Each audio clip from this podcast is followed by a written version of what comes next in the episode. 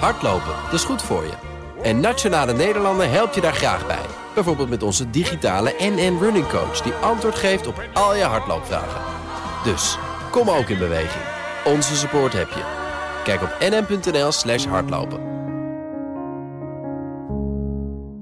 Vandaag is de dag waar veel ouders een paar weken rijkhalsend naar uitkeken. Namelijk op deze dag zouden de scholen misschien Oh ja. weer open kunnen gaan. Het Weet je nog, zo, ja, precies. Maar goed, 8 februari is nu de stip op de horizon. Als het dan al kan. Nou, over die scholen en de impact van corona op kinderen hebben we het komende kwartier met Patricia Bruining, kinderarts en epidemioloog bij het UMC Utrecht. Welkom. Dank u wel. Ja, meteen maar even perspectief schetsen. Ehm, de voorlopige opening van de scholen staat nu op 8 februari. Is dat nog haalbaar vandaag? Ja, hadden, hadden we die wijsheid maar vast in pacht, hè? konden we er maar vast naartoe leven. Ik, ik denk dat we nog eh, goed moeten kijken hoe het de komende anderhalf, twee weken met de cijfers in Nederland zich ontwikkelt. En ook eh, ja, eh, of de Britse variant eh, verder terrein gaat winnen en zo ja, hoeveel terrein. Eh, en dat zijn wel gegevens die uiteindelijk mee zullen bepalen wat er op 8 februari gaat gebeuren. Ehm, maar in ieder geval, wat ik wel kan zeggen is, als de scholen open gaan, dan zal het anders zijn dan dat ze dicht gingen, zeg maar, qua maatregelen en beleid eh, om corona eh, in te dammen in scholen. Hoe bedoelt u dat? Nou, ik bedoel dat we eh, zeker meer maatregelen in scholen zullen gaan zien eh, eh, na, na het heropenen.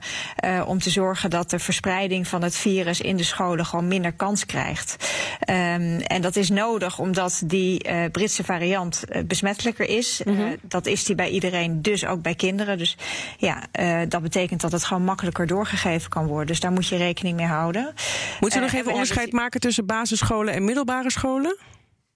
Ehm, ja, er is zeker onderscheid tussen, omdat eh, we weten dat onder eh, tieners, eh, he, daar lijkt het virus sowieso makkelijker om zich heen te kunnen grijpen dan bij jongere kinderen. Jongere kinderen lijken toch minder vatbaar voor het virus dan wat oudere kinderen en volwassenen. Dat betekent niet dat ze helemaal niet vatbaar zijn, maar wel minder. Dus dat- het, dat, en dat beeld blijft eigenlijk ook voor die Britse variant wel overeind staan. Ja. Ehm, maar het, ja, het is over de gehele linie gewoon eh, een stukje besmettelijker. Eh, en daar hebben we wel rekening mee te houden. En weten we nou al of die kinderen, eh, die basisschoolkinderen, als ze het dan onder de leden hebben, want nou, dan hebben ze niet heel veel symptomen, of ze wel besmettelijk zijn?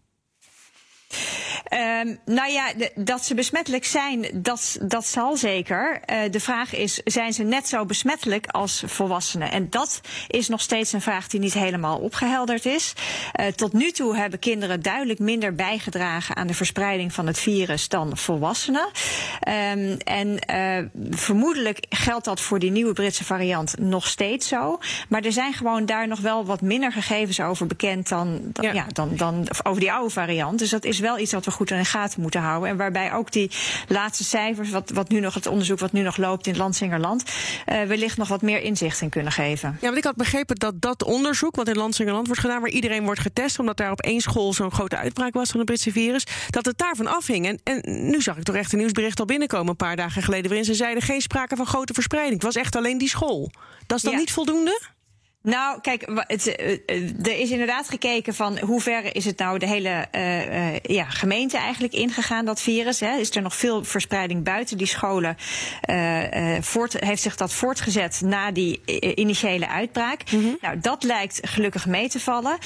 Waar dat aan ligt, dat is waarschijnlijk een combinatie van dat toen de lockdown inging, dat men eh, na het nieuws over die Britse variant daar extra alert is geworden en voorzichtiger. En men heeft zich grootschalig laten testen. Er is veel onderzoek gedaan. Dus dat zal allemaal hebben bijgedragen om daar eh, die, die, eh, die uitbraak in te dammen. Ja. Eh, maar er liggen nog veel gegevens die nog wat verder geanalyseerd moeten worden over ja, wie heeft nou dat virus zeg maar steeds doorgegeven aan wie. En en wel, wat is de rol van de kinderen daarin precies Ja. geweest? En wordt er ook specifiek gekeken naar de school zelf? Of er voldoende wordt geventileerd, of het een grote school is, een kleine school, ik noem maar wat?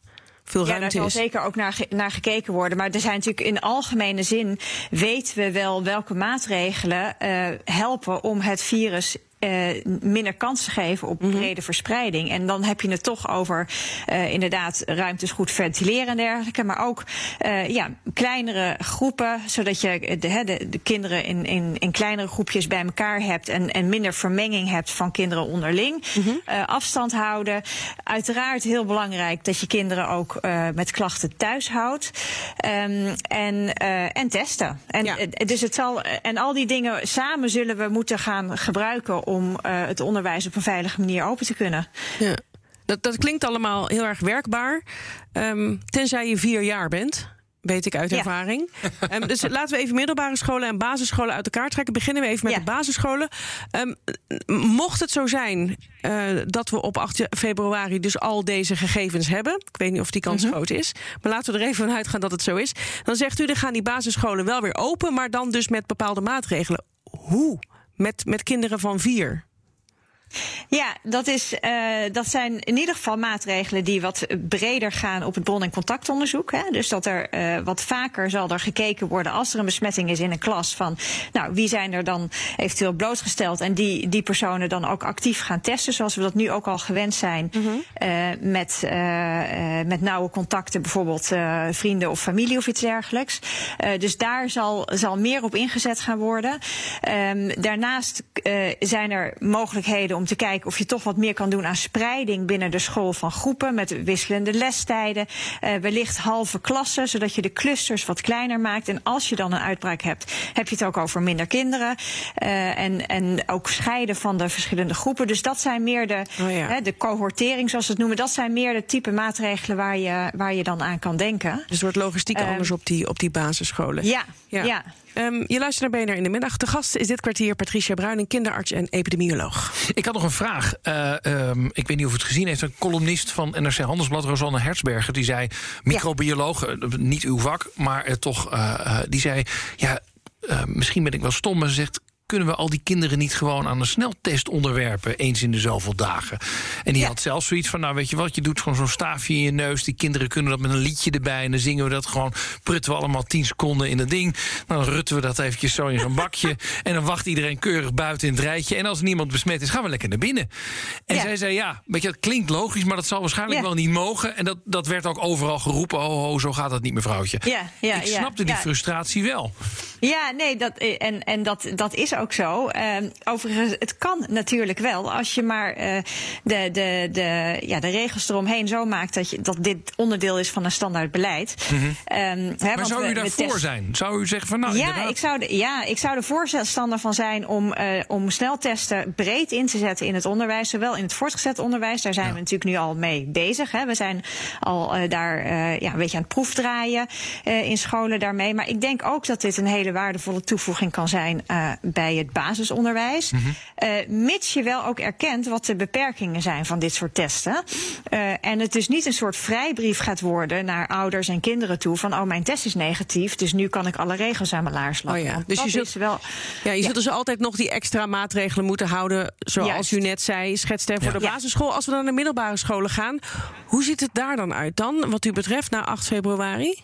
Nou, ik denk in, in grote lijnen is dat hetzelfde. Dus ook daar uh, afstand, daar kun je natuurlijk wel afstandsmaatregelen uh, aan de leerlingen uh, ja, opleggen. Hè. Die, die, kunnen zich daar wel aan houden. dat betekent wel dat het logistiek heel ingewikkeld wordt om het onderwijs in het, voor, het voortgezet onderwijs goed in te richten. Dus dat is echt wel een uitdaging voor de scholen.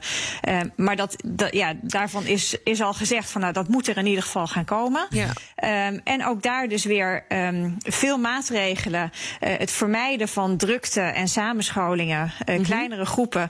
En daarbovenop uh, een testbeleid, zodat je ook als er toch onder de radar verspreiding is, dat je dat heel snel oppikt. En wie zou die testen mogen uitvoeren? Want dat vraag ik me nou wel af. Je, je kunt dat, dat moet je volgens de wet volgens mij allemaal door een big geregistreerd iemand laten doen. Nou ja, daar hebben we ja. veel te weinig van, want die hebben we aan het bed nodig. Maar ja. mijn ervaring is, zo, ja, het is even oefenen zo'n staafje, maar dan kom je een heel eind. Rens doet het altijd zelf namelijk, mevrouw Bruining. Nou ja, kijk, in eerste instantie is wel het idee dat dat uh, BIG geregistreerd. Je moet iemand, hè, er moet uiteindelijk iemand achter verantwoordelijk zijn voor die uh, test die BIG geregistreerd is. Maar de mensen in de teststraten, dat zijn ook geen, niet allemaal artsen. Ah. Dus dezelfde mensen kun je ook uh, dat op school laten doen. er is wel wat voor te zeggen om daar toch een bepaalde mate van controle op te houden. Omdat het is wel belangrijk dat je de afname van dat monster, dat dat echt goed gebeurt. Want anders krijg je een vals negatieve uitslag. Mm -hmm. Als je niet, niet goed in de neus vroet, om het maar even heel plastisch te zeggen, dan, uh, ja, dan, dan, dan valt die test negatief uit, terwijl die eigenlijk positief moet zijn. Dus dat je daar enige controle op houdt, dat is denk ik wel belangrijk. Um, maar ja, daar kun je mensen voor opleiden. Dat is natuurlijk inderdaad niet iets waar je uh, een zesjarige geneeskundestudie voor nodig hebt. Uh, dus dat is, dat is op zich in te richten. Ja. Wat is nou, denkt u, het grootste struikelblok tot 8 februari? Wat wordt dat? Um, nou ja, ik denk hoe de cijfers zich de komende twee weken gaan ontwikkelen, dat zal toch uiteindelijk heel bepalend zijn voor wat er op 8 februari gaat gebeuren. Ja, maar als het gaat nu naar beneden.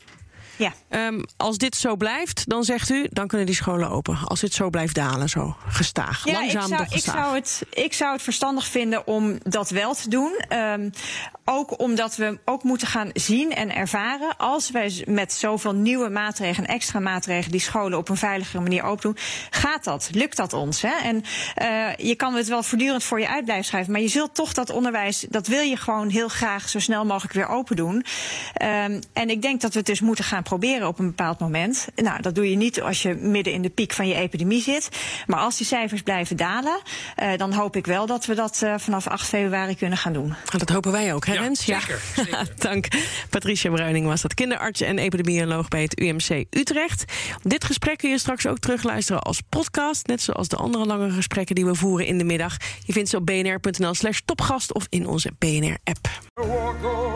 Hardlopen, dat is goed voor je. En Nationale Nederlanden helpt je daar graag bij. Bijvoorbeeld met onze digitale NN Running Coach... die antwoord geeft op al je hardloopvragen. Dus, kom ook in beweging. Onze support heb je. Kijk op nn.nl slash hardlopen.